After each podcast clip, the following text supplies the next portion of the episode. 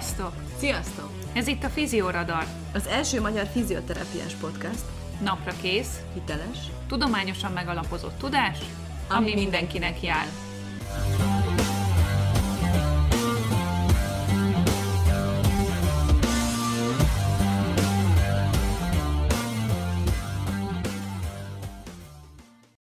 Műsorban elhangzottak nem minősülnek egészségügyi tanácsadásnak, sem egészségügyi oktatásnak vagy képzésnek, és nem helyettesítik azt. Minden információ tájékoztató jellegű és a figyelem felkeltését szolgálja. Sziasztok! Újra itt a Fizioradar.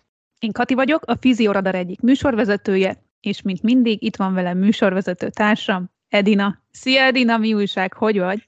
Szia Kati, köszöntöm a kedves hallgatókat. Egy kicsit rekedtebb hangon, mint azt talán eddig megszokhatták, úgyhogy a kérdésedre a válasz az, hogy egy kicsit rekedtem még egy kis betegség után, de amúgy nagyon jól és nagyon lelkesen, mint mindig. Úgy látszik ez a torokfájás és a rekedtség hónapja lesz, de ez sem fog visszatartani minket attól, hogy belevágjunk a mai témánkba. Így van. Két évvel ezelőtt ugyanis, amikor elindítottuk a fizioradart, az első adásainkban is beszéltünk már arról, hogy mennyire is fontos a páciensekkel való megfelelő kommunikáció.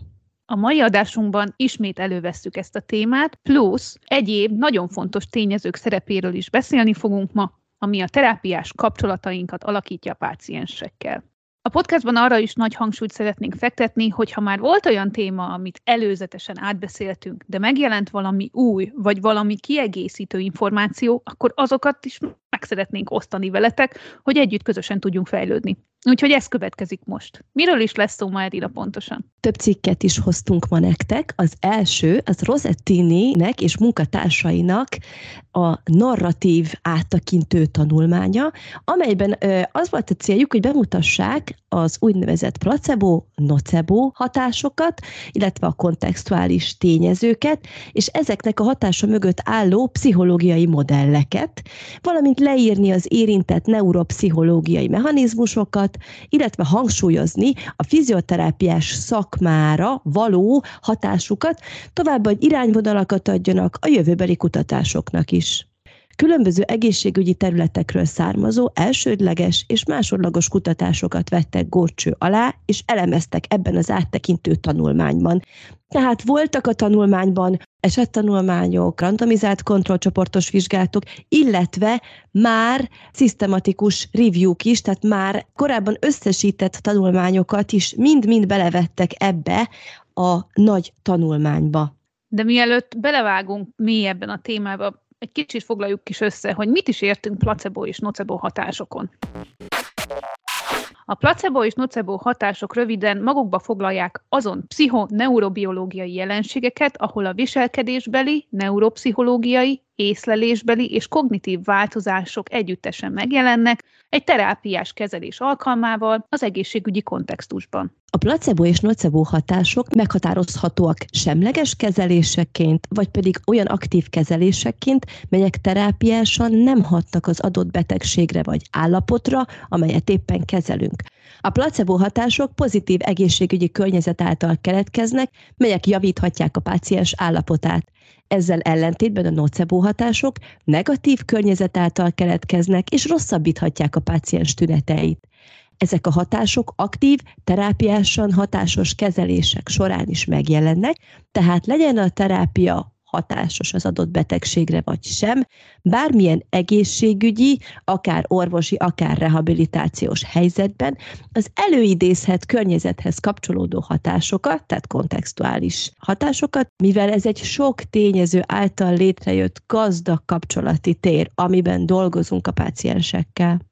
De hogy mik is ezek a környezethez kapcsolódó hatások, azokat Rosettini és munkatársai öt különböző témaköré csoportosították. Ezekből az első a fizioterapeuta professzionalitása. Ide tartozik a fizioterapeuta szaktudása, a szakképesítése, végzettsége, de a hírneve, a megelőző tanulmányai és képesítései. Továbbá a fizioterapeuta gondolkodásmódja, szemléletmódja, mint például a viselkedése, a meggyőződése, az elvárásai vagy korábbi tapasztalatai, de a megjelenése is. Tehát a ruházata, öltözéke, az, hogy egyenruhát vagy fehér köpenyt hord, és a hitelessége és megbízhatósága. Következő fontos hatás, amit a szerzők kiemelnek, az a páciens gondolkodásmódja, tehát ide tartozik a betegségre és a kezelésre vonatkozó elvárásai, korábbi tapasztalatai, a korábbi kezelésekről való tapasztalatai, illetve azok a kezelések, amiket korábban kapott, a preferenciái, vágyai és érzelmei, továbbá a páciens meggyőződései és kiindulási állapota is, tehát hogy milyen a tüneteinek szintje, vagy a fájdalmának az intenzitása, milyen egyéb betegségei vannak, milyen az általános egészségi állapota, a neme, illetve az életkora. A következőt úgy is egybefoglalhatjuk, mint maga a kommunikáció, ami a gyógytornász és a páciens között lezajlik, azok a szavak, amiket használunk a kommunikáció során, Például pozitív üzeneteket adunk-e át, milyen a beszédünk tónusa, aktívan hallgatjuk-e meg a pácienst, támogatjuk-e őt, bátorítjuk-e, azt sugaljuk-e, hogy részt vegyen ebben, hogy kölcsönöse a nyelvhasználatunk, melegség, kedvességet árasztunk-e magunkból a páciens felé, érzi a páciens az odafigyelést, a törődést, vagy az empátiát. A másik pedig a nem verbális kommunikáció, ahol a szemkontaktust, a törődő arckifejezés, a mosoly, a testtartás, a gesztusok, bólintás, előrehajlás, a nyílt odafordulás, tehát ezeknek az egysége, ami nagyon fontos, minden egyes terápiás találkozó során. A negyedik fontos tényező, tehát a következő fontos kontextuális faktor, az a kezelés jellemzői.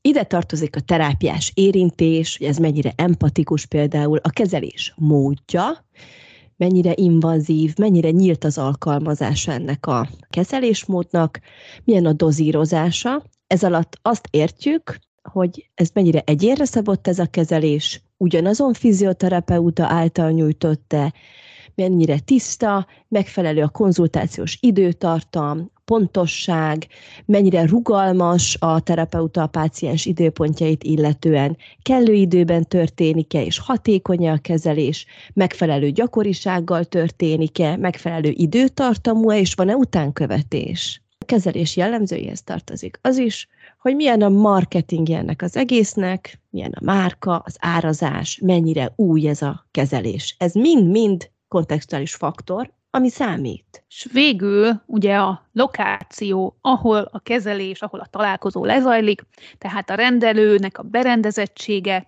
és annak különböző jellemzői, és a páciens erről alkotott benyomása együtt egy nagyon nagy kontextuális faktor. Például vannak e rendelőben pozitív disztraktorok, mint például, hogy természetes a világítás, alacsony a zajszint, van-e relaxációs lágy zene, esetleg kellemes illatok fogadják-e a pácienst, amikor belép a rendelőbe, megfelelő a hőmérséklet, de amikor megközelíti a helyet, már az is számít, hogy könnyen le tud-e parkolni. Egyértelműek -e a jelek, hogy merre találja magát a rendelőt, vagy téged, akadálymentes-e a bejárat, tiszta és egyértelmű-e a szóbeli vagy írásbeli iránymutatás, amit kapott a páciens a találkozó előtt. Amikor belép, akkor az információs pultnál talál-e valakit, aki segít neki, hogy hol talál meg téged. Valamint, amikor már a kezelőben bent vagyunk, ott a különböző komfort elemek nagy szerepet játszanak, tehát, hogy van-e ablak, van-e esetlegesen tetőablak, privát-e az a szoba, nyugodt-e az a kezelőszoba, kényelmese,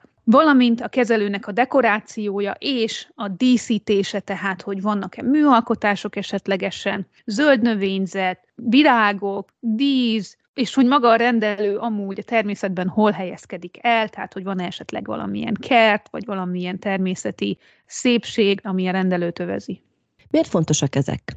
Ezek a kontextuális tényezők felelősek a terápiás hatás egy nagy, nem specifikus komponenséért, és ezáltal közvetlenül hatással vannak a páciens egészséghez kapcsolódó kimeneteli tényezőire, tehát például, hogy milyen a fájdalom szintje, milyen az elégedettsége, és hogy milyen az élménye, mit élő meg, mit tapasztal a fizioterápia során.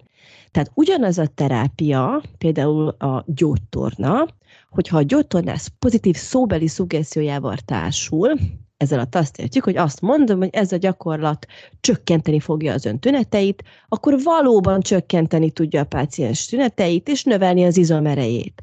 Ugyanakkor, ha ugyanaz a feladat bizonytalan szóbeli szuggeszióval társul, tehát azt mondom, hogy ez a gyakorlat néha csökkenti a tüneteket, akkor akár rosszabbodhat a fájdalom és az izomerő is. Ezek mind már tudományosan bizonyított tények.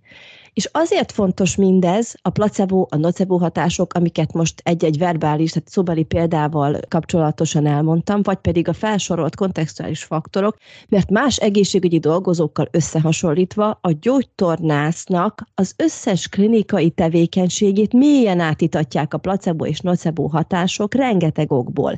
Például az az egyik ok, hogy mi gyógytornászok sokkal több időt töltünk a páciensekkel, mint általában mondjuk az orvosok, és számos alkalommal könnyen alakítunk ki velük empatikus terápiás kapcsolatot, és sokkal több verbális és nem verbális kommunikációt használunk, mint a legtöbb más egészségügyi dolgozó. Tehát a biztató szavak mellett kommunikatív, nem terápiás érintéseket is szoktunk használni. Tehát minden fizioterápiás beavatkozás a természeténél fogva számos kontextuális tényezőt foglal magába, amelyek attól függően befolyásolják a terápia kimenetelét, hogy a fizioterapeuta hogyan kezeli azokat, és hogy egyáltalán tudatában van-e ezeknek. Tehát igenis a terápia sikeressége múlhat azon, vagy annak a mértéke, a sikerességének a mértéke múlhat azon, hogy mennyire vagyunk tudatában ezen tényezőknek, és mennyire használjuk, alakítjuk azokat tudatosan. Mennyire javíthatjuk a terápia sikerességét, ha odafigyelünk ezekre. De ez egy kétélű dolog. Ugyanannyira tudunk javítani a terápia sikerességén, ha megfelelően használjuk ezeket a kontextuális faktorokat, amennyire akár árthatunk is a páciensnek, hogyha nem figyelünk ezekre oda, és nem használjuk ki ezeket a kontextuális tényezőket. Mindez nem új keletű dolog, ugyanis a fizioterápia történetében mindig kihívást jelentettek az említett tényezők a következő két okból. Az egyik ok a kutatás nézőpontjából ugyanis ezek lehetséges összezavaró tényezők voltak, melyek az adott kutatás belső és külső validitását is ronthatták vagy ronthatják. Ezekkel a kutatók mindig is tisztában voltak. A másikok, hogy klinikai nézőpontból pedig problémás és nem specifikus változókat szimbolizálnak ezek a tényezők, amelyek csökkenthetik a specifikus beavatkozások terápiás szerepét. Vagyis lehet, hogy amit csinálunk, az kevésbé számít, mint az, ahogyan és amilyen körülmények között csináljuk. Azért mindez eléggé elgondolkodtató. A 21. század első évtizedében elkezdték vizsgálni a kutatók különböző kezelések során a placebo és nocebo hatások szerepét, pont azért, amit az Edina is mondott, mert ezeket nem lehet kihagyni. Néhány kiemelkedő tanulmány mechanikai és neuropszichológiai, tehát perifériás, spinális és supraspinális mechanizmusokat sugaltak, mint a fizioterápiás beavatkozások által indukált hatások alapja azaz az egész idegrendszerünk aktivizálódik placebo és nocebo hatások alatt. Tekintettel a supraspinális mechanizmusokra, a placebo és nocebo hatások a páciens tüneteinek, főként a fájdalomnak és a motoros teljesítménynek fontos úgynevezett top-down modulátorai, tehát amikor a központi idegrendszer az, ami módosítja magát az élményt. A szakterületünkön egyre növekvő érdeklődés ellenére a kontextuális tényezők ismerete és tudatossága, amelyek által növelhetők ugye a placebo és csökkenthetők a nocebo hatások, még mindig limitált a gyógytornászok körében. Tehát nem vagyunk eléggé tisztában ezekkel a tényezőkkel, illetve hogy mennyire is fontosak ezek. Mi több, az egyetemeken ezen szakmai témára vonatkozó egyértelmű oktatás hiánya is csökkenti ezáltal az értéküket és a fizioterápiás praxisban való fontosságukat, így írják a szerzők. De lássuk, hogy milyen pszichológiai mechanizmusok érintettek a placebo, nocebo és kontextuális faktorok hatásaiban. Ilyenek az elvárások, tanulási folyamatok, úgy, mint a klasszikus kondicionálás és megfigyeléses tanulás, megerősített elvárások, gondolkodásmód és a személyiségvonások. Ezek közül az elvárásokat járjuk egy kicsit részletesebben körbe. Az elvárás egy személy valamely jövőbeni eseményre vonatkozó számítása, várakozása. Az elvárások erős modulátorai, tehát módosító tényezői az egyén kognitív, érzelmi és testi élményeinek. Ezen élmények folyamatosan formálódnak és frissülnek is a környezetből jövő inputoktól függően. A korábban felsorolt kontextuális faktorok olyan kulcselemek, amelyek valószínűleg befolyásolják a páciensek elvárásait az egészségügyi környezetben. A szóbeli ösztönzés a legegyszerűbb és legközvetlenebb módja az elvárások formálásának, ezért ezt már nagyon sok evidencia és tanulmány vizsgálta a pozitív és negatív hatásukra vonatkozóan. A második nagy mechanizmus a neuropszichológiai mechanizmusok. Az elmúlt évtizedben széles körben kezdték azonosítani a kutatók a placebo, nocebo és kontextuális hatások alapját képező neuropszichológiai mechanizmusokat a gyógyszerészeti és agyi képalkotó vizsgálatok során. Három fő területet neveztek meg, melyekre kíváncsiak voltak. Az első, melyek azok a neurobiológiai folyamatok, amelyek aktiválódnak semleges anyagok által, mely agyi területek váltják ki ezen hatásokat. És a harmadik, milyen dinamikus és átmeneti változások jelennek meg az agyban a placebo kezelés előtt és után. Gyógyszerkísérletekkel bizonyították, hogy bizonyos anyagok képesek felerősíteni vagy gátolni a placebo hatást, és ezen vizsgálatok indirekt bizonyítékot szolgáltattak arra, hogy a placebo idegi útvonalak igenis léteznek. Úgy tűnik, hogy hasonló ópiátrendszerek aktivitása aktiválja a nocebo rendszert is akit ezek részletesebben érdekelnek, ezeknek hatalmas nagy irodalma van. Itt most nem akartunk belemenni ezekbe az idegi pályákba és különböző anyagokba, de gyönyörűen le van írva, úgyhogy akit érdekel, az nyugodtan ássa bele magát.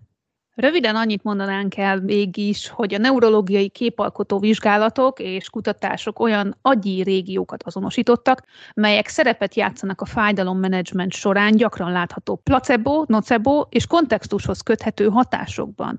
Két fázist különböztetünk meg itt. Az egyik az elvárásos fázis, ez az, amikor az ember felkészül és anticipál egy várt pozitív vagy negatív hatást. A második az észlelési fázis, amikor megéli a fájdalom csökkenését, vagy éppen a fájdalom fokozódását. A lényeg, hogy mindkét fázisban különböző agyi területek fokozott aktivitást vagy aktivitás csökkenést mutatnak, és ez az, amit a kutatók a neuroimaging-el, tehát az agyi képalkotó vizsgálatokkal ki tudtak mutatni. Röviden ezekről az agyterületekről azt érdemes tudni, hogy ezek azok, amik szerepet játszanak olyan magasabb szintű funkciókban, mint a döntéshozás, a motiváció, tervezés, a kogníciók és az érzelmek. A szerzők azt is leírják, hogy hogyan tudjuk ezeket a tényezőket alkalmazni, mind a klinikumban, mind a menedzsmentben, mind pedig az oktatásban. Ugyanis fontos, hogy ezt beültessük a mindennapi gyakorlatunkba. De hogy hogyan is tudjuk ezt megtenni, arra kapunk néhány tanácsot a szerzőktől. Talán az eddigiek alapján az már egyértelmű, hogy nagyon is érdemes tudatosnak lennünk a placebo, nocebo hatásokkal és a kontextuális tényezőkkel kapcsolatosan, hiszen ahogy már mondtuk, Amennyit javíthatunk, annyit akár ronthatunk is a páciens állapotán, ha nem vesszük figyelembe ezeket. A szerzők szerint klinikai nézőpontból, ha integráljuk a kontextuális faktorokat a jelenleg ismert legjobb evidence-based terápiákkal, akkor az lehetővé teszi a placebo hatások serkentését és a nocebo hatások megelőzését, növelve ezáltal a terápiánk hatékonyságát. Mindezek alkalmazása során természetesen maximálisan követni kell az etikai és erkölcsi szabályokat. De milyen etikai és erkölcsi szabályokra gondolhatunk itt? Például, ha én nem vagyok képesített egy adott terápiában, akkor nem állíthatom be magamat úgy, mint egy nagyon jól képesített, nagyon nagy tudású szakember, és állíthatom ezt a páciensnek, és hithethetem el vele, hogy én bizonyos tudás birtokában vagyok, amikor igazából nagyon minimális ismereteim vannak erről a terápiáról. Vagy például, hogy olyat állítok neki, olyan szuggesziókat alkalmazok, amivel igazából fizikailag lehetetlen dolgokat írok le a páciens számára. Vannak olyan ismertebb kezelések, terápiák vagy megközelítések, ahol a terapeuták olyan gondolatokat ültetnek el a páciens fejébe, ami tényleg fizikailag lehetetlen. Tehát ez egy erkölcsi és egy etikai szabály áthágás. Ezekre is gondolnunk kell. A másik pedig az, hogy a szaktudásunkat nem helyettesíti azt, hogyha egy csúcs rendelőben dolgozunk, ahol a páciens úgy érzi, hogy igazából akár ide is költözne, mert annyira, annyira jó itt lenni. Tehát ezekkel, ezeket tényleg óvatosan kell bánni. Igen, és ugyanolyan hiba lehetne az is, ami ugye teljes mértékben elfogadhatatlan, hogy nem nézek utána, hogy ez most hogy áll evidencia szintjén ez a terápia, vagy hol tart a tudományban. Nem is biztos, hogy evidence-based, de nem baj, mert az összes kontextuális tényezőt használom, és minden placebo effektus itt van, úgyhogy biztos javulni fog a páciens. Tehát ezeket nem szabad összekeverni, nem erről beszélgetünk, mert ezek megengedhetetlen dolgok. Nagyon-nagyon fontos, hogy ne essünk át a ló túloldalára, csak ami ugye evidence-based és szakma szabályai szerint végzett terápia, azt tök jól ki lehet egészíteni ezekkel, hogyha tudatában vagyunk ezeknek a hatásoknak, és igenis tudjuk javítani a terápia hatékonyságát. Tehát ez a lényeg, ezt nem szabad semmiképpen sem félreértelmeznünk.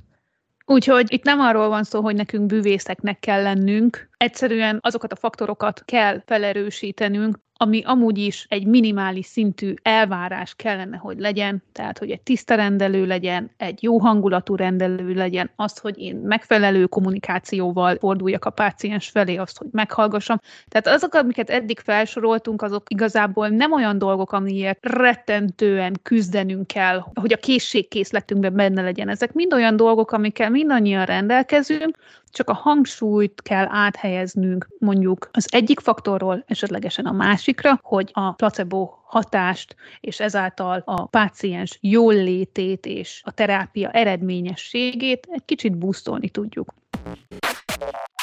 Tehát a kontextuális faktorok átitatnak minden klinikai eljárást az anamnézis felvételétől az utánkövetésig, és közvetlenül hatnak az egészségügyi állapothoz kapcsolódó kimenetelre és az életminőségre is. Egy pozitív kontextus például bátorító szavak manuálterápia során, ezek javíthatják a páciens tüneteit, mivel a placebo hatásokat segítik elő. Ezzel ellentétben egy negatív kontextus vagy egy negatív megfogalmazás ronthat a páciens tünetein. Itt egy személyes kis példát engedjetek meg. Volt olyan páciensem, aki azzal fordult hozzám, hogy az előző terapeuta azt mondta neki, hogy cikcakban áll a gerince, miközben manuálterápiát végzett nála. Én ezt abszolút a negatív kontextusba, a negatív szóhasználatba, a negatív szuggeszióba helyezném. Még akkor is, hogyha a terapeuta úgy ítélte meg, hogy valóban ezt látja, ez abban a pillanatban nem segítette a terápiáját. Mutatja ez az is, hogy a páciens tovább haladt tőle, és egy másik terapeutához fordult. Igen, meg azért, na igen, szóval egyetértek, Kati, meg néha mi olyan jól el tudunk beszélgetni egymás között. Bocsát, hagyj idézek, aki magára ismer, akkor bocsi, vagy nem tudom. Tehát, hogy ennek a páciensnek nincs is izma, meg ilyeneket szoktunk mondani, ezeket szerintem egymás közt nem gondoljuk komolyan. Ami gyógytornászok között, vagy mit tudom én, ennek a páciensemnek szinte cikcakban áll a gerince, vagy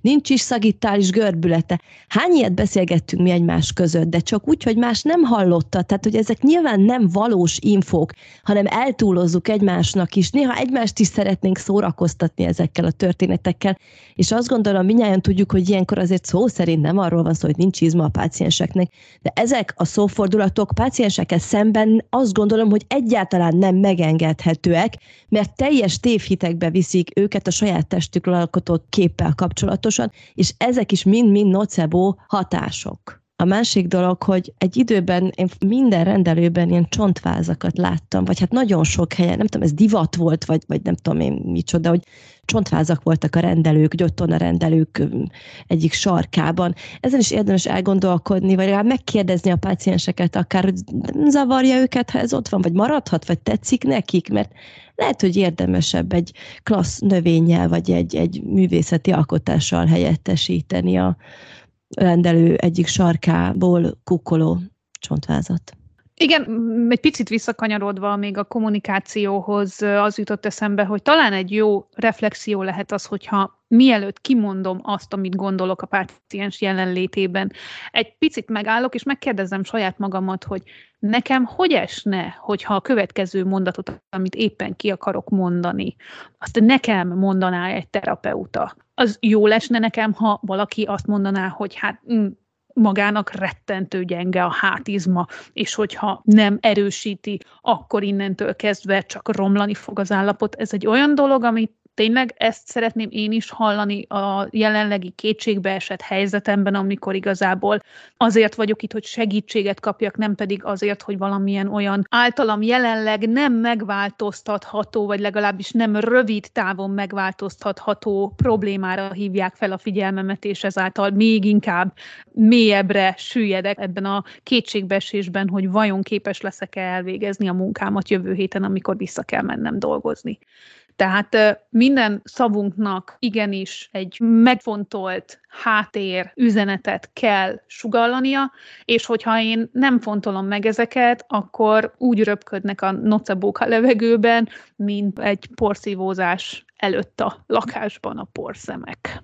Teljesen egyetértek veled, és tulajdonképpen, ha jobban belegondolunk, vagy hogyha egy kicsit más nézőpontból nézzük, a Kati által említett szavak, hogy gyenge a háta, meg mi lesz majd, hogyha ezek valahol bírálatok, minősítések és bélyegek, és ezekre nincsen szükségünk. Lehet, hogy arról van szó, hogy nagyon gyenge a hátizma a páciensnek, de azt lehet másképpen megfogalmazni és majd fogjuk látni, hogy ezért hálásabbak is. Na de visszakanyarodva még az áttekintő tanulmányunkhoz, a szerzők azért segítenek nekünk.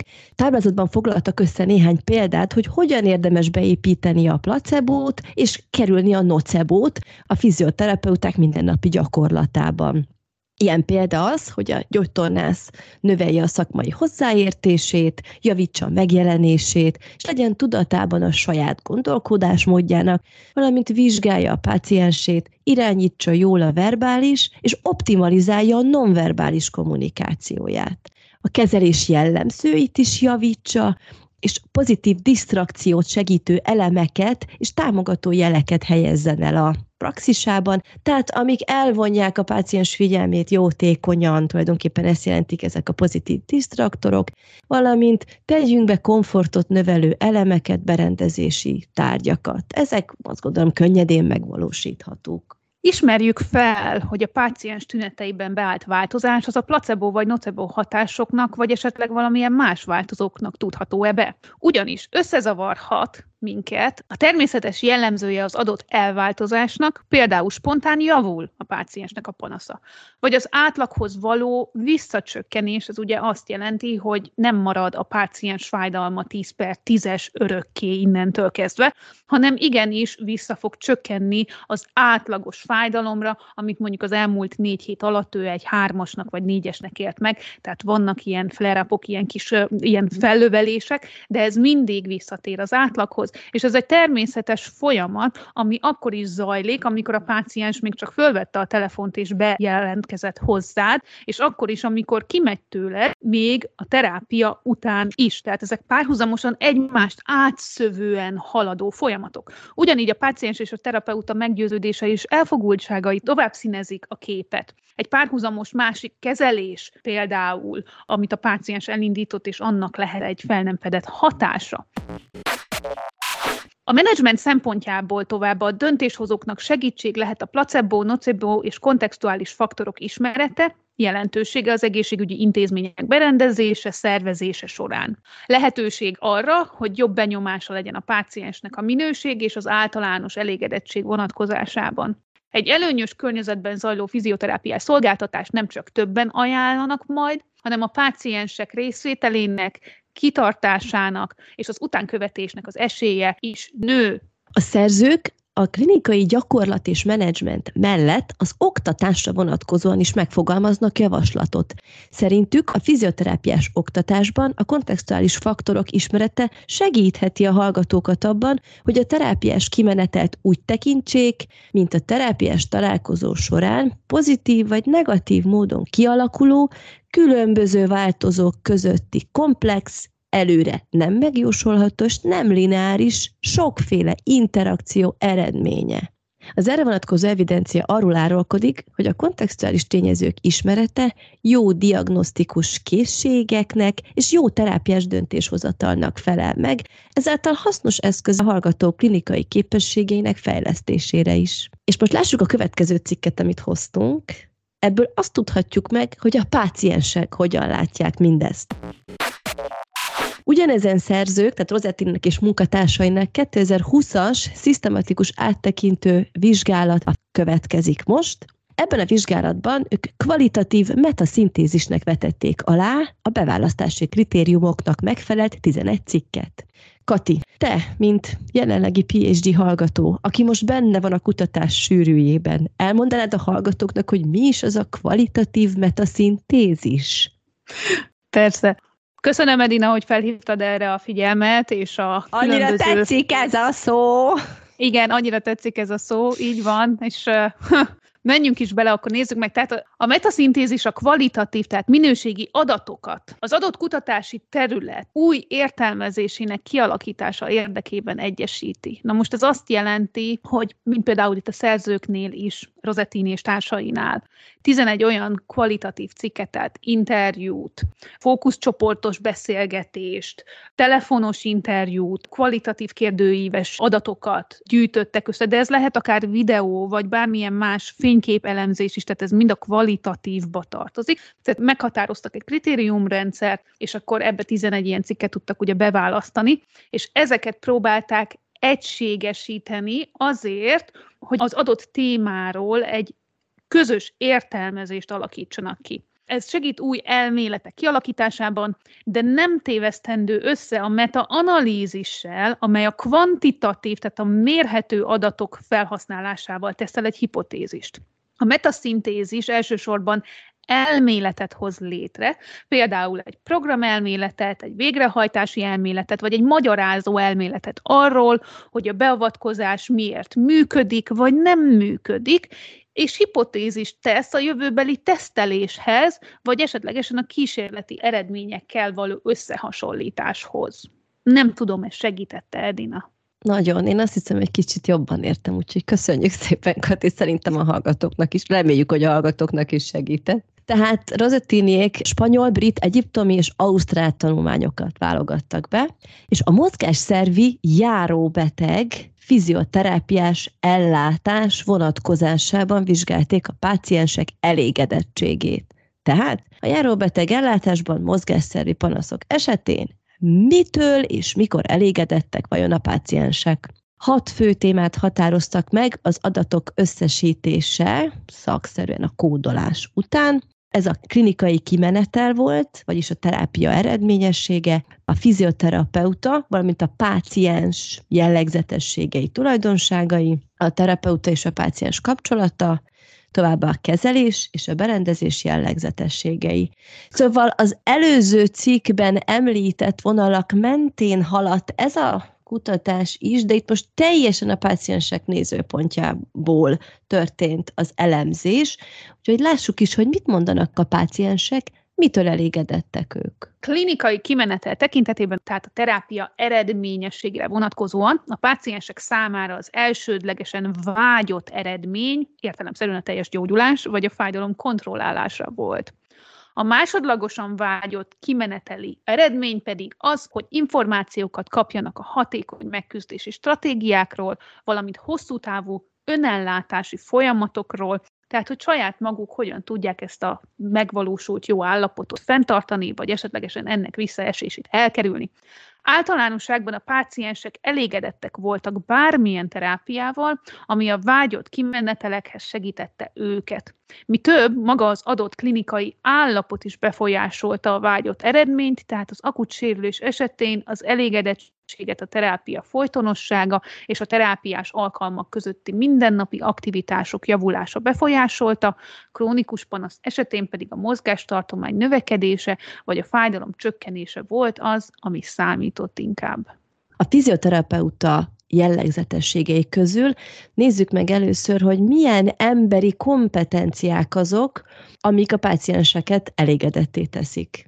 Általánosságban akkor voltak elégedettek a vizsgálat alapján a páciensek, hogyha olyan gyógytornász kezelte őket, aki barátságos, tiszteletteljes, magabiztos, tiszta, és képes arra, hogy kellemes fogadtatást biztosító környezetet teremtsen a klinikai gyakorlatában, a praxisában. Emellett nagyra értékelték, hogyha empatikusan, figyelmesen meghallgatta őket, és kifejezte őszinte érdeklődését a páciens aggodalmai és betegsége iránt. Azt a terapeutát értékelték, aki nem ítélkezik, ugye az előző szavak, amikről beszélgettünk, nem egoista, és aki végig érzelmi támogatást nyújtott a rehabilitációs folyamat alatt. Két tanulmányban a páciensek azt is értékként jelölték meg, hogy a gyógytornász érzékeny volt a funkcionális és érzelmi állapotuk változására, és hogyha nem volt rest a terapeuta, a páciens aktuális igényeire szabva változtatni, átértékelni, módosítani a terápiás stratégiát. A fizioterapeuta következő jellemzője a szakmai kompetencia. Tehát a páciensek azt értékelték, hogyha a terapeuta kompetens, gyakorlott, ha ismeri a leghatékonyabb terápiákat, ismeri a jelenlegi best practice-t, valamint képes priorizálni a páciens szükségleteit, és megtalálni a legmegfelelőbb kezelést minden egyes páciens esetén. Továbbá olyan fizioterapeutára vágynak, aki részletes feljegyzéseket készít, itt a páciens számára, de azért saját magára is, tehát akinél látszik az, hogy megpróbálja összeszedni és tényleg feljegyezni az összes fontos faktort, megbízható, pontos és erős szervezési képességeket mutat. Azt a szakember értékelték, akiről látható, hogy képes multidisciplinális tímtagjaként dolgozni, képes határokat kiépíteni és megtartani a terapeuta és a páciens között ezeket, és egyénként tekint rájuk. Nem utolsó sorban pedig azzal voltak elégedettek, aki szenvedélyes a munkáját illetően, őszinte és tisztában van a saját határaival. Itt talán visszacseng az előző adásunkból, ahol az individuális terápiákról beszélgettünk, hogy ugye ezt megfogalmazták már a páciensek, hogy nekik is erre van igényük, és ezt szeretnék, hogy individumként legyenek ők kezelve. Itt közben hagyjosan eszembe azzal kapcsolatosan még, hogy amit Kati most mondott, hogy azzal a terapeutával voltak elégedettek a páciensek, aki tisztában van a saját határaival. Ugyanis hallgattam egy podcastot, amiben a Movers and Mentors című könyv szereplőivel zajlott beszélgetés, ezt a könyvet egyébként szívből ajánlom, mert neves, nemzetközileg is ismert, elismert fizioterapeutákkal készült interjú sorát tartalmazza. Olyan fizioterapeutákkal készítettek interjúkat, akik valamilyen módon sokat hozzátettek a szakmánkhoz, mindegyik ugye másképpen, és csináltak velük egy interjút ezzel a könyvvel kapcsolatosan. Tehát ebben is felmerült témaként az, hogy mik a határaink, valamint, hogy kudarc beismerni, hogyha nem tudjuk, hogy hogyan is tovább az adott pácienssel.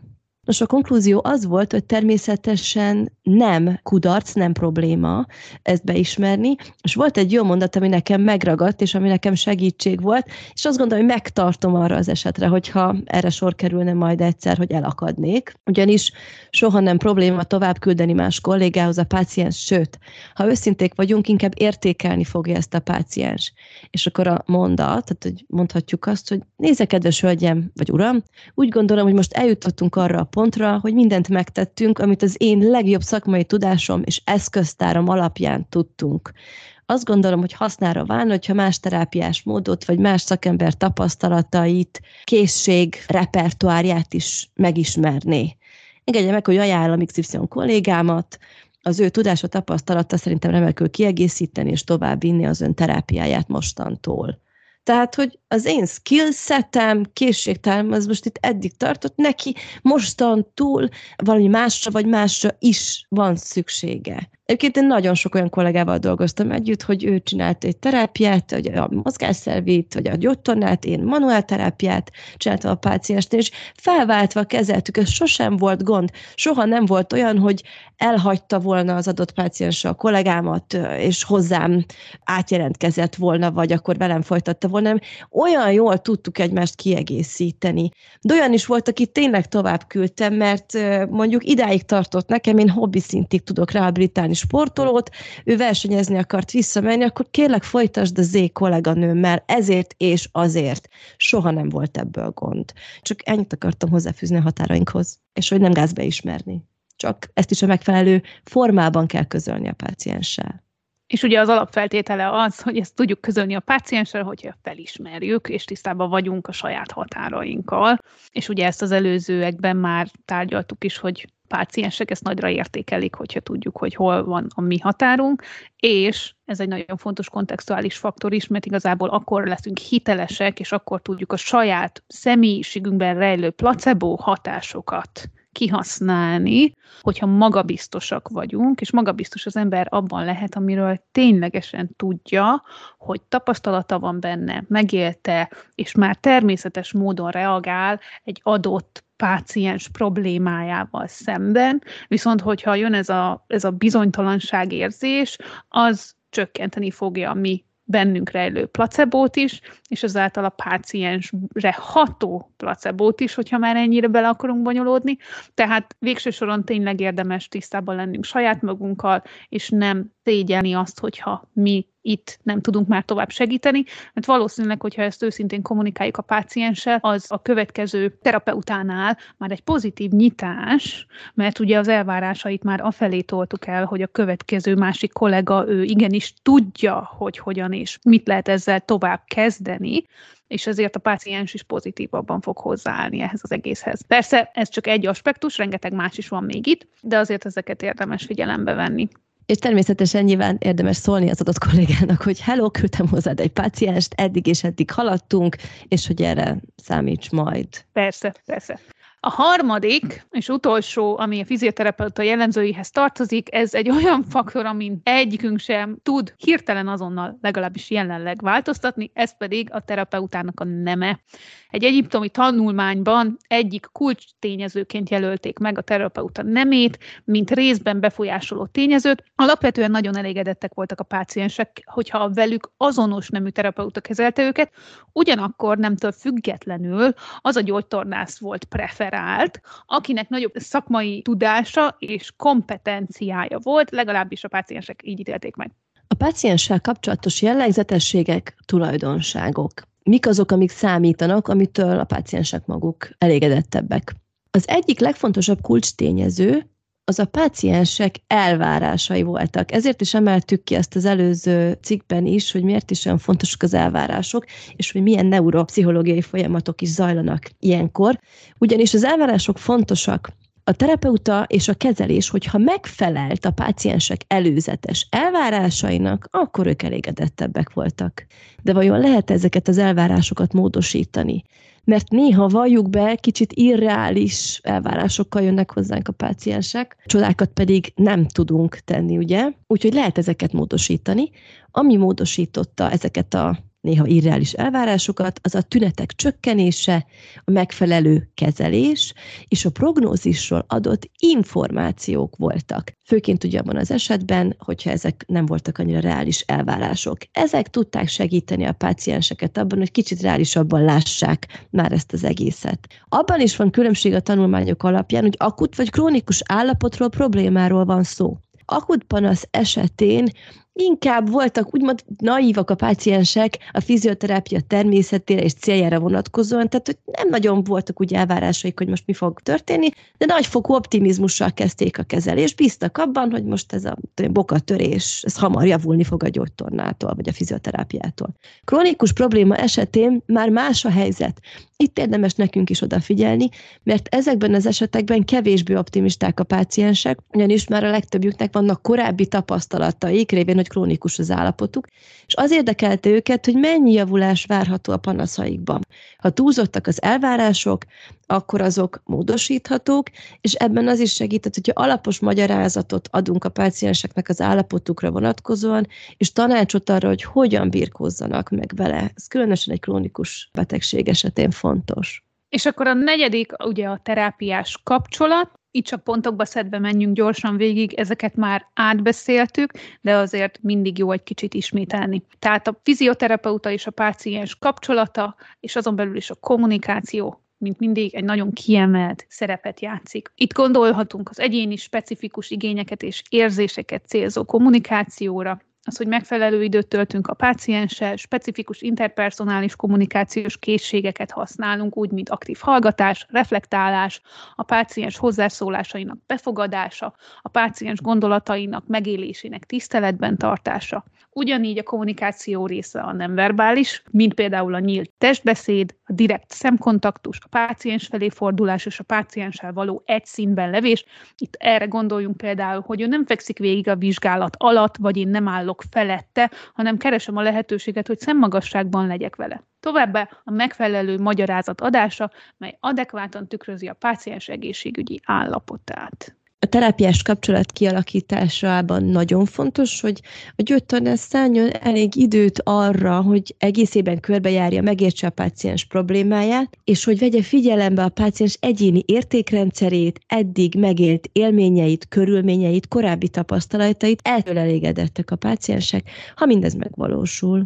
A terápia jellegzetességeiről egy kicsit az első fontos pont a páciens edukáció, tehát a fizioterapeuta aktívan behívja a pácienst és ösztönzi őt az aktív részvételre. Ez azért is fontos, mert az aktív részvétellel mélyebb megértés jár együtt, szemben a passzív, előadásszerű edukációval. A páciensek akkor voltak elégedettek az információ átadással, hogyha a kapott információ a terápia elején érkezett, és ez az információ megfelelő volt, zsargonmentes, érthető, rajzok, ábrák segítették a megértést, és a írott összegzést is kaptak. Értékelték továbbá, hogy ha segítséget kaptak a problémájuk megértésében, tervet az önmenedzselésre, specifikus javaslatokat a különböző mozgásokra, és ha jóslatot kaptak a hosszú távon várható eredményekről az egész praxis szervezésével kapcsolatosan akkor voltak elégedettek, hogyha a rendelők fizikailag könnyen megközelíthető, hogyha rugalmasak a fizetési lehetőségeik,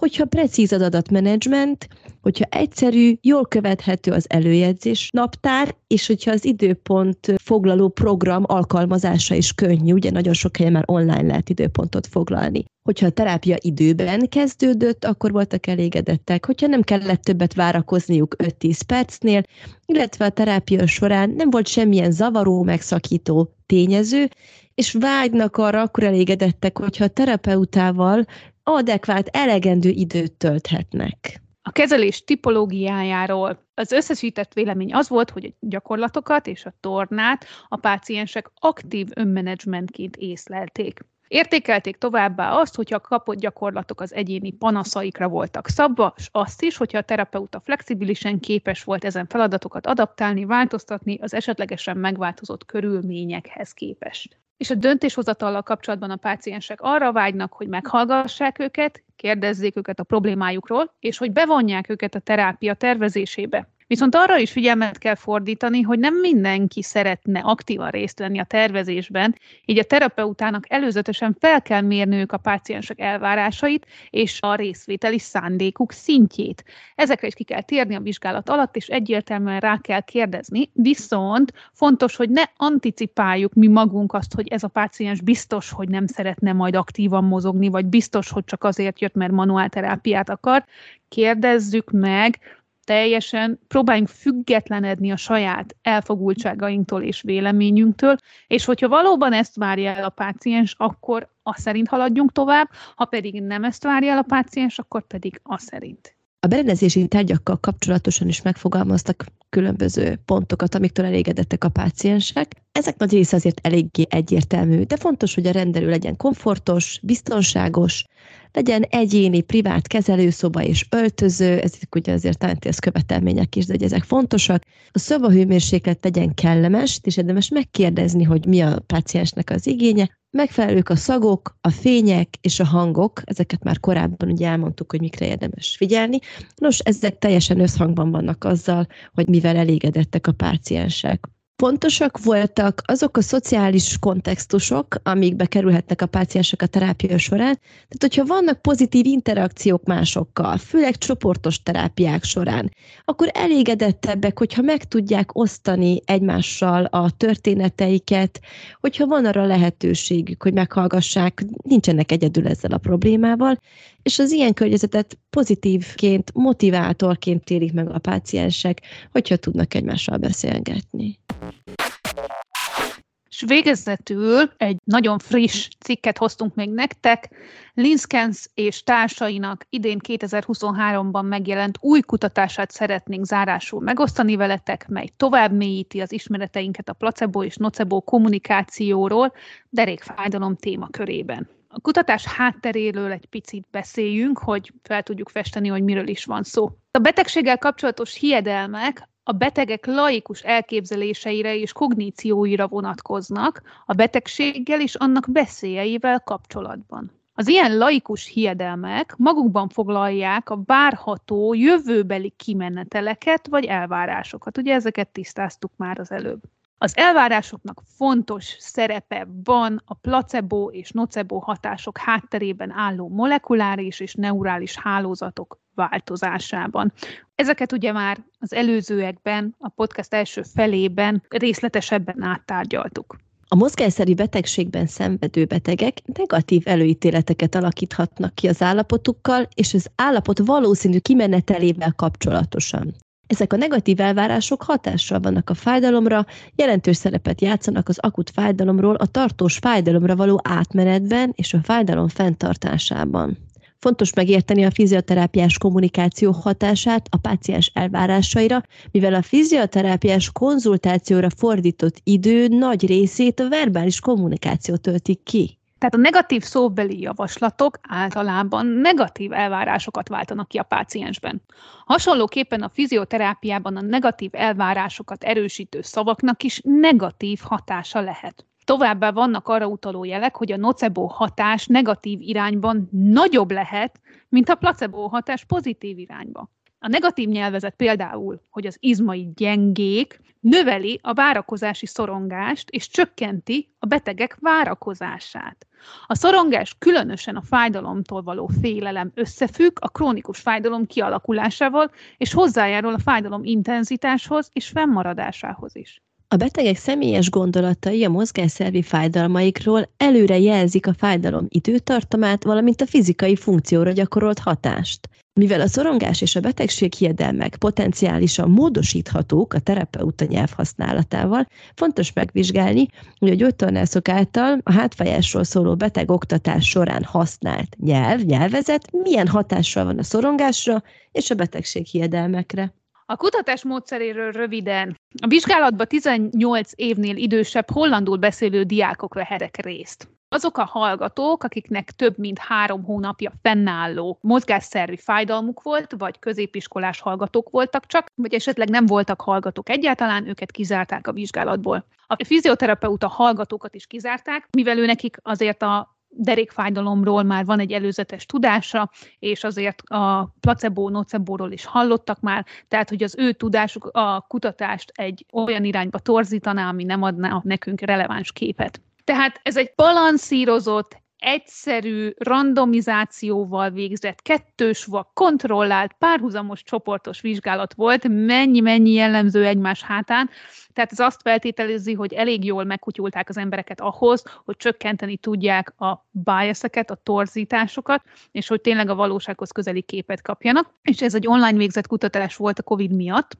És végül az összesített adatokba a két csoportba 82 és 87 fő vett részt, a csoportokat úgy osztották fel, hogy az egyik csoport olyan videót nézett meg, ahol semleges szavakkal zajlott az edukáció, a másik csoport pedig olyan videót, ahol nocebikus kifejezésekkel volt tele az edukáció. Továbbá a szorongásról, a kötődésről, a betegség hiedelmekről, valamint a videóval való kapcsolódásról és abba való befolyódásról vettek föl különböző standardizált kérdőíveket. A vizsgálathoz két oktató videót fejlesztettek ki. Az egyik, az nocebo kísérleti volt, tehát ebben negatív nyelvezettel beszéltek, a másik pedig a kontroll, ebben pozitív vagy semleges nyelvezetet alkalmaztak. Az oktató videók nyelvhasználata egy korábbi Vigyázz a szavaidra című vizsgálaton alapult, amelyben 50 gyógytornász beteg találkozásot rögzítettek és elemeztek.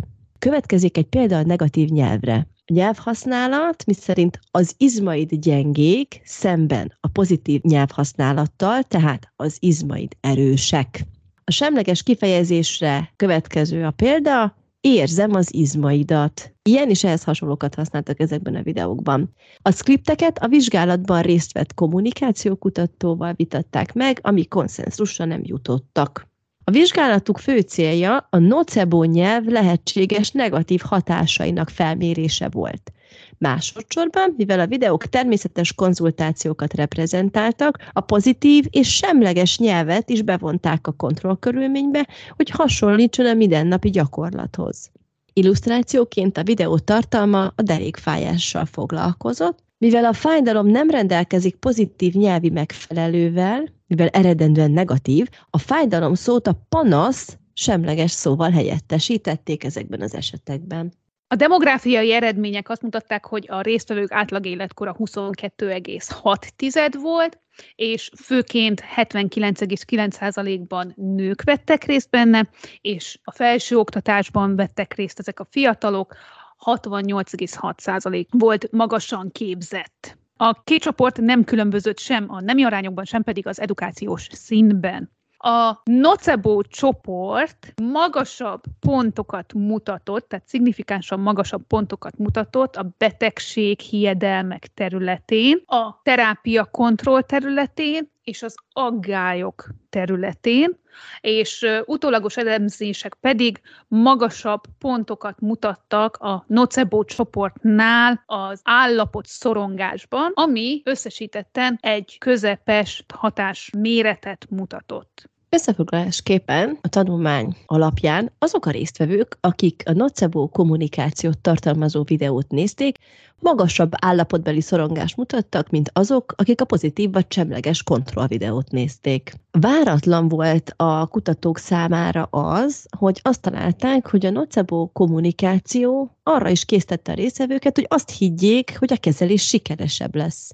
Vitatható, hogy ez annak a hatása lehet-e, hogy a nocebo felvételben olyan terminológiát használtak, amelyet a szakértelem jeleként érzékelhettek a páciensek, ami bizalmat keltett a terapeuta és a kezelés iránt. Hasonló eredményekről számoltak be egy korrelációs kutatásban is, amely összefüggést mutatott ki a házi orvos által adott negatív üzenetek és a betegek fokozott szorongása között. A jelen kísérlet azt mutatja, hogy a fizioterapeuták által egy egy percnél rövidebb videóban használt nyelvezet, amikor a résztvevőket a derékfájdalomról oktatják, már ez is hatással van a szorongásra és a betegséggel kapcsolatos hiedelmekre. Tehát egy rövid egyperces videóról vagy beszélgetésről van szó.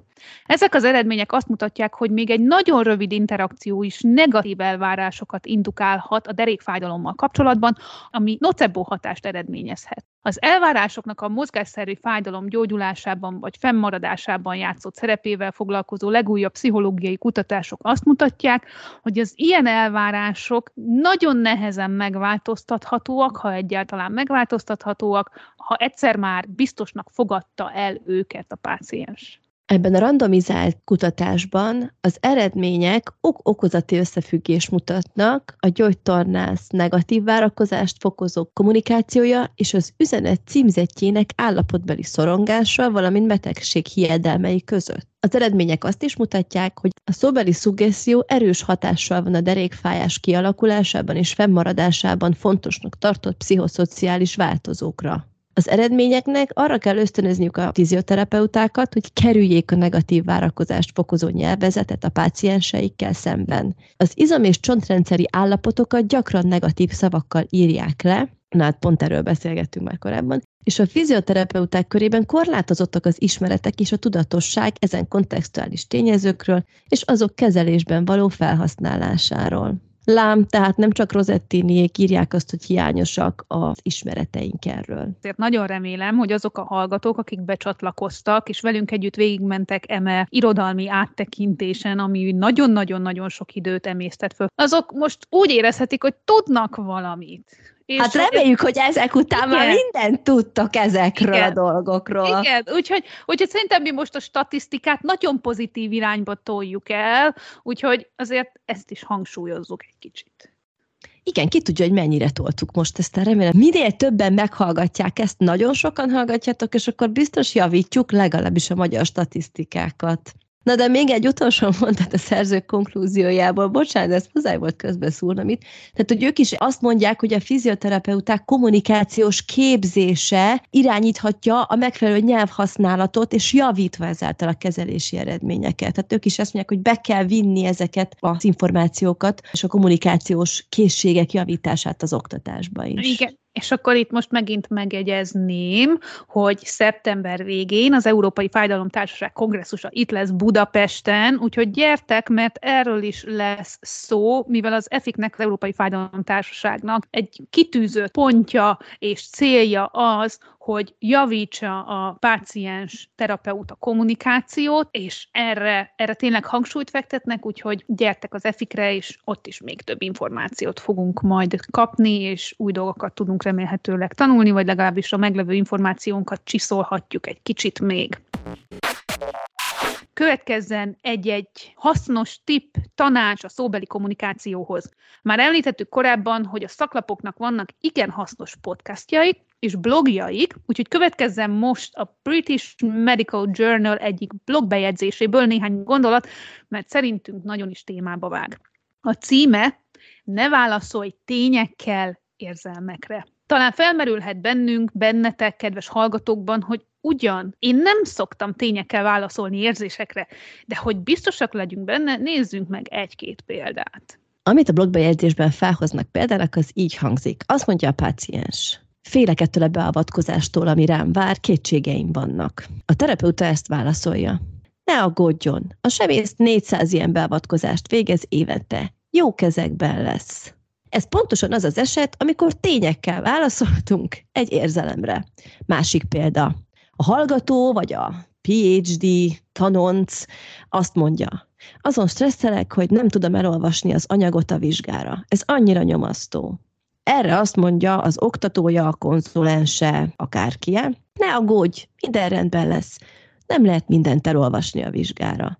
Ez megint egy remek példa arra, amikor tényekkel válaszoltunk érzelmekre de biztos mindannyiunknak eszébe jut még néhány hasonló példa, ha jobban elkezdünk ezen gondolkodni. És aki még sosem folytatott ilyen párbeszédet, az nagyon szuper, de azért beszéljünk egy picit róla, mert ha mégis rajta kapnánk magunkat, hogy ilyesmi csúszott ki a szánkon, akkor lehetünk tudatosabbak ezzel kapcsolatosan, és mindjárt adunk is pár példát, ami előnyösebb, empatikusabb válaszsal kecsegtet a számunkra.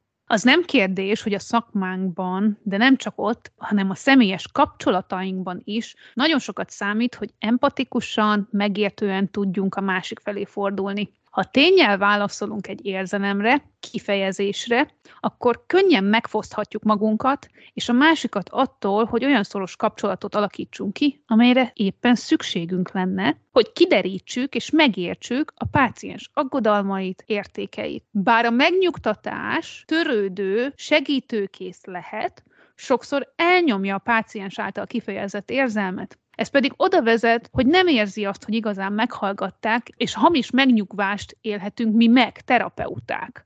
Az érzelmek elnyomása nem enyhíti vagy szünteti meg a háttérben lappangó negatív érzelmi élményt. Tehát ennek fényében az első példában szereplő műtétől félő páciensnek mondhatjuk azt, hogy igen, látom, hogy fél. Ez teljesen normális, hogy fél ilyen esetben. Ez egy nagy beavatkozás. Mi aggasztja leginkább ezzel kapcsolatosan? Vagy a hallgatónak a második példában mondhatjuk azt, hogy értem, azt mondott át, hogy stresszes vagy, és nyomaszt ez a dolog. Mind így vagyunk ezzel ilyen esetben. Szeretnél róla beszélgetni. Talán úgy érezhetjük néha, hogy nincs ilyesmire idő. De a blogszerző szerint érdemes rááldozni azt a pár percet, mert ez a néhány mondat képes arra, hogy kapcsolatot építsen, növelje a bizalmat, és nagyobb megértést, együttműködést tesz lehetővé. Nyilván itt most azért főleg a terápiás kapcsolatról beszélünk. De más kapcsolatokra is igaz ez. Zárójelben jegyzem meg, hogy nekem ez még soha nem jött össze, hogy ez csak pár perc legyen, ez nem egyszer inkább 20-30, de arra nem emlékszem, hogy valaha azt éreztem volna utána, hogy nem érte meg olyan esetre sokra emlékszem, ahol azt éreztem, hogy ez most nagyon kellett, ez megérte. Hiába úszott el a félvizsgálat, vagy az aznapra kigondolt feladatok, és maradtak mindezek legközelebbre, de biztos voltam abban, hogy lesz legközelebbi alkalom, mert el fog jönni a páciens, mert sikerült azt a szakszóval rapportot kialakítani, sikerült kapcsolódni az ő érzelmeihez, hogy tudjuk folytatni a terápiás kapcsolatot. És van, hogy ez az érzelmi törődés fontosabb, mint fél óra kezelés. Nem kell, hogy elússzon folyton az óránk ezzel, de néha beleférhetés számít, és aki sokkal ügyesebb, mint én, az tényleg megoldja ezt néhány percben. Minden gyakorlás kérdése, és én szeretném hangsúlyozni azt, nyilván egy picit mindenkinek maga felé hajlik a keze, ugye mondhatom ezt a jól ismert közmondást, hogy a motivációs interjú egy tökéletes kommunikációs forma arra, hogy ezt az ideális képet, amit most Erina lefestett ebben a két példában, ezt meg tudjuk valósítani minden egyes kommunikációs szituációban, amikor erre igazán szükség van. Mert a reflektálás, az összegzés, az aktív hallgatás, az empátia, ezek mind-mind-mind egy struktúrált rendszerként egybe vannak fűzve a motivációs interjúban, és ez egy szabadon hozzáférhető terápiás konzultáció kommunikációs kommunikációs forma.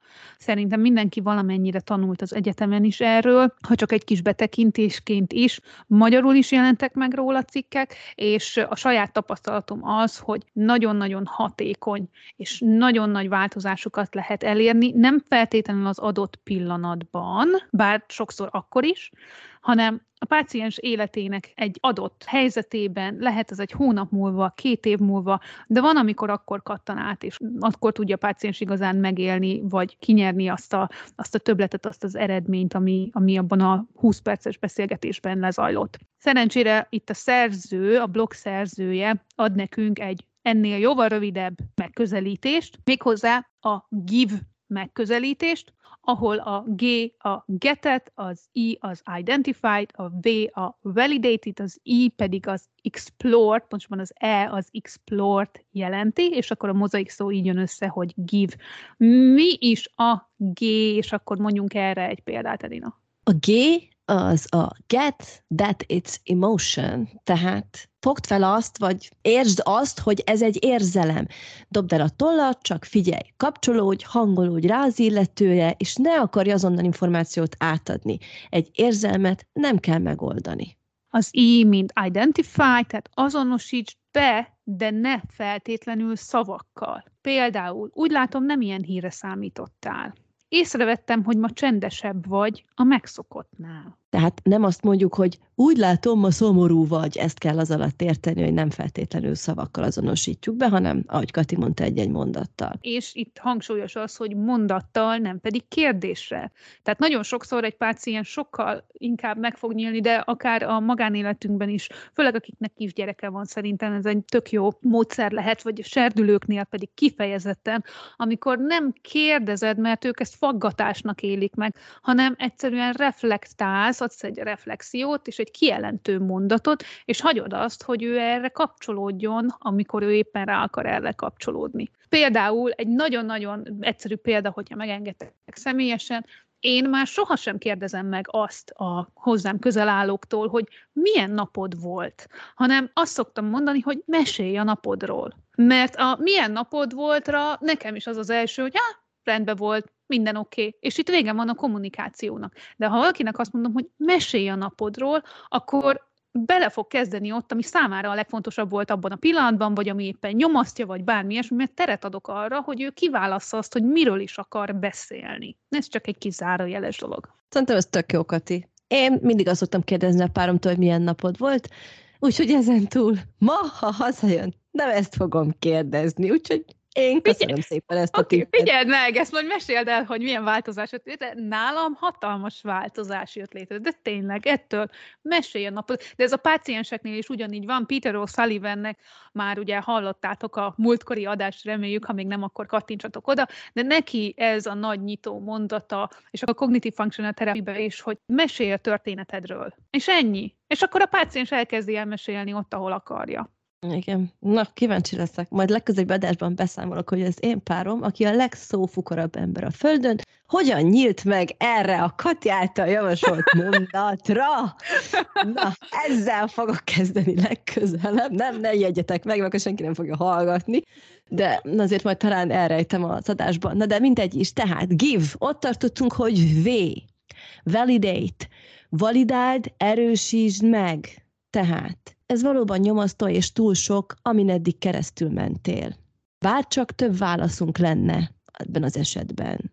Vagy látom, meg vagy ijedve. Én is aggódom, mellette maradok, ameddig biztonságban lesz, hogy ott van egy harmadik ember. Ezek mint példák. És végül az E, mint explore, to understand better, tehát fedezd fel, járt körbe azért, hogy jobban megérthess. Tehát mesélj erről többet. Vagy mi aggasztja önt leginkább? Azt gondolom segíthet, ha beszél róla. Elmondaná, mire gondol? Elmondaná, mi jár a fejében? Úgyhogy ezek az apró gondolatok, mondatok, amiket be lehet csempészni, amivel meg lehet változtatni a kommunikációt, meg lehet nyitni a pácienst, és akkor igazából már az egész kaszkád el fog indulni lefele, mert a páciens úgy érzi, hogy meghallgatják, ő több mindent fog elmondani, neked több információd lesz arról, hogy az ő állapotában jelenleg, vagy az ő életében jelenleg mik zajlanak, mik az aktív résztvevők az ő problémájában. Ezáltal több mindenről tudsz majd edukációt adni, ami aktív edukáció, és szép lassan el lehet oda jutni, sőt, ez sokszor még katalizátor is, hogy sokkal gyorsabban el lehet oda jutni, hogy a páciens jobban érzi magát, mint amikor bejött. Köszönjük, hogy végighallgattátok mindezt, és talán fel lehet úgy fogni ezt az egészet, mint egy kis ajándékcsomag tőlünk, egy pak, egy batyú erre az évre, amikor úgy érzitek és tudtok, szemezgessetek ezekből, mert rengeteg ötletet adtunk most itt, ugye azáltal, hogy feldolgoztuk ezt a pár cikket, ezeket az összefoglaló cikkeket, meg ezt a blogbejegyzést. Van még számos ilyen, keressetek, olvassatok ebben a témában nyugodtan, de hogyha erre nincs időtök, akkor hallgassátok ezt a részt, akár vegyétek elő többször időről időre, és nézzétek meg, hogy az adott szakaszában az évnek, vagy az adott életszituációtokban mi az, amit be tudtok iktatni, nem kell egyből mindet, de ebben a hónapban ezt a hármat kipróbálom, a következő hónapban ezt a kettőt, tehát hogy próbáljátok ezeket beiktatni, és vegyétek észre, vagy jegyzeteljétek fel, hogy, hogy milyen változásokat vettetek észre ennek hatására, mi a tapasztalatotok ezekkel. Szóval ez egy ilyen csomag az évre. És még annyit szeretnék hozzáfűzni, mert biztos, hogy mindenkinek van olyan, amikor azzal szembesül, hogy vannak olyan faktorok, amiken nem tudok változtatni, mert rajtam kívül áll. Például, hogy hol sikerült rendelőt bérelnem, vagy, és mondjuk nem könnyen megközelíthető, vagy bármi ilyesmi. Akkor ezeken nem érdemes tovább rágódni. Tudod, hogy ez egy olyan hatás, vagy egy olyan dolog, ami rajtad kívül áll. Lehetséges, hogy negatívan befolyásolja a páciens, de akkor megpróbálom az összes olyan dologgal, amire ráhatásom van, akár a növényzettel, a hangokkal, az illatokkal, bármi ilyesmivel, vagy a szaktudásomnak a csiszolásával, ékesítésével, vagy a legkézenfekvőbb, ám bár nem egyszerű, a kommunikációnknak a csiszolásával, hogy ellensúlyozzuk azokat a olyan nocebókat, amik igazából rajtunk kívülálló negatív hatások. Úgyhogy érdemes nekünk is azokra a pozitív dolgokra figyelni, és magunkat is olyan irányba palástolni, hogy az végső soron a páciensnek egy valóban pozitív élmény legyen, még akkor is, hogyha nem optimális minden. Ez így van, ez nagyon köszik Kati, mert szerintem semmelyikünk praxisában nem fordul elő az sajnos, hogy minden optimális lenne. De így ez a fajta tudatosság, amivel kapcsolatosan majd nagyon jó képet kaptunk, ez egy nagyon jó skill, készség, és érdemes beépíteni, mert nagyon sok területen tudjuk használni ennek az elemeit, amikről ma beszéltünk. Így van. Nagyon köszönjük, hogy ma is velünk tartottatok. Köszönjük, egy élmény volt, remélem, hogy a hangom azért nem vett el nagyon a kedveteket, és átjött attól még az információ, hogy ilyen reketten tolmácsoltam. Kövessetek minket Instagram és Facebook oldalunkon is. Vigyázzatok magatokra, és hamarosan jövünk egy következő adással. Sziasztok! Sziasztok!